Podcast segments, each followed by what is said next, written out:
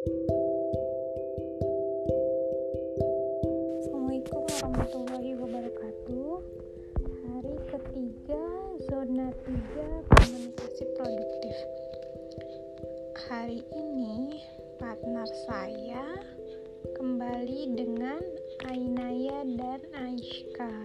Aishka 5 tahun Ainaya hmm, 2 tahun 10 bulan Momen ngobrol saya kali ini adalah ketika merapikan mainan bersama-sama. Temuan saya hari ini adalah uh, ketika mainan berserakan tidak kembali ke tempatnya dan tercampur antara mainan dan buku-buku untuk uh, membaca buku-buku cerita kemudian uh, poin komprot yang saya ubah sebelumnya um, bernada perintah seperti ayo mainannya dirapihin mainannya jangan diberantakin masukin lagi ke tempatnya ya.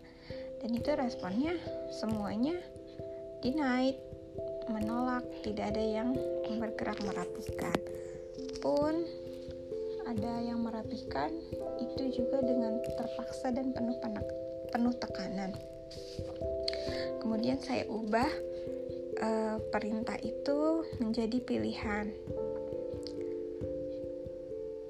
Uh, saya rubah menjadi uh, pertanyaan pilihan kepada Ainaya dan Aishka. Saya tanya mereka lebih suka rumah yang rapi atau rumah yang kotor? Atau rumah yang berantakan? Terus mereka menjawab lebih suka rumah yang rapi dan bersih. Kalau gitu yuk kita mainannya dirapihin lagi sama-sama. Kita pisahkan satu box untuk mainan satu box untuk buku cerita dan kami pun membereskan mainan itu bersama-sama. Selain itu juga uh, saya merubah kata perintah tadi itu hmm, dengan uh, di apa namanya? Saya juga menyelipkan nasihat kepada mereka di dalamnya dengan kata dengan penyampaian yang uh, lain. Uh, seperti saya hmm, makanya gini gini gini gini gitu biasanya. Nah kemudian saya rubah. Hmm, kemarin saat kakak cari pensil untuk belajar repot tidak? Kalau mainannya bercampur dengan buku-buku cerita iya responnya seperti itu. Berarti biar kakaknya mudah jadi setelah dipakai kembalikan lagi ke tempatnya. Atau hmm, setelah dipakai masukkan lagi ke dalam tas. Jadi saat kakak cari saat kakak mau pakai kakak